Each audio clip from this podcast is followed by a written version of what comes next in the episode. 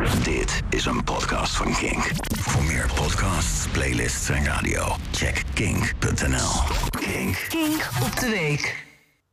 Gisteravond reed ik Enschede binnen. En achterop een bus zag ik reclame voor het uitvaartbedrijf van Edwin Kist.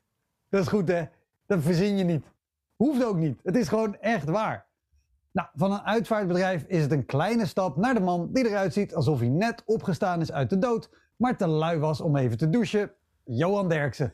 De man die zoveel uit zijn nek lult omdat zijn snor voor zijn mond hangt. Johan Derksen is een onderbuik met stembanden en de vage geur van asperges. Die door Talpa wordt betaald om regelmatig op nationale tv te zeggen dat je niks meer mag zeggen. Bijna elk voorjaar, als de kijkcijfers een beetje inkakken, krijgt VI de opdracht om een relletje te veroorzaken. Het liefst iets homofoobs of iets racistisch. En Johan mag daarna recht lullen wat krom is. Nee joh, ik ben niet racistisch, ik heb een zonneallergie. Daarom draag ik een wit gewaad met een puntmuts. Dinsdag vertelde hij dat hij een kaars bij een bewusteloze dronken vrouw had ingebracht. Volgens hem een jeugdzonde. En daarbij waren dat soort dingen heel gewoon in de jaren 70. Weet je wat heel gewoon was in de jaren 70? Grondpersoneel op Schiphol een eerlijk salaris betalen. Of dat ellenlange gekrijs op Child in Time van Deep Purple goed vinden. Het OM kondigde aan onderzoek te gaan doen. Nou, dat is misschien frustrerend voor alle vrouwen waar een zedenzaak niet werd opgepakt. En zijn er sowieso niet urgentere zedenzaken waar het OM haar tijd in kan steken? Natuurlijk wel. Ze hoeven de loonlijst van Talpa maar af te gaan voor mogelijke daders. Sterker nog, ze hoeven de stamboom van John de Mol maar af te gaan. Al ben ik bang dat John die zin zelf ook wel eens eufemistisch heeft gebruikt. Maar het is wel een duidelijk signaal dat seksueel misbruik weglachen echt niet meer kan. En dat is goed.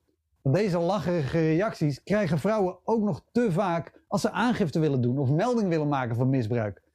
En mannen, als je me niet gelooft, vraag het vandaag aan elke vrouw die je ziet. En nog voor de Vrijmibo heb jij iemand gesproken die zoiets heeft meegemaakt.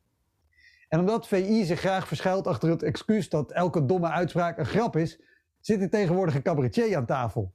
En je hoort het de redactie gewoon denken: hé, hey, als we een cabaretier aan tafel zetten die meelacht, dan moet het wel een grap zien. Nou, en hij ziet er van de buitenkant ook nog eens uit zoals Johans longen aan de binnenkant. Dus ook qua racisme zitten ze goed. En hij lachte aan tafel vrolijk mee, maar later zei hij: Als cabaretier zijnde vertel ik vaak schokkende verhalen die niet echt gebeurd zijn.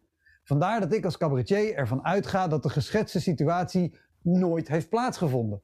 Ik ging en ga er nog steeds vanuit dat de heer Derksen dit niet echt heeft gedaan. Nou, ik vond dat heftig. Het is namelijk als cabaretier of cabaretier zijnde, maar niet als cabaretier zijnde. Maar goed, daar gaat het even niet om. De meeste cabaretiers en comedians die ik ken, en dat zijn er een hele hoop, vertellen namelijk juist waar gebeurde verhalen. En juist wanneer je denkt, ja maar dit kan toch niet waar zijn, kan je er donder op zeggen dat het waar is. Ik hoop dat Johan Derksen woord houdt en stopt met VI. En als hij nog iemand zoekt om zijn tv-carrière ten graven te dragen, weet ik precies de juiste man. Edwin Kist uit Enschede. Dit was een podcast van Kink. Voor meer podcasts, playlists en radio, check kink.nl.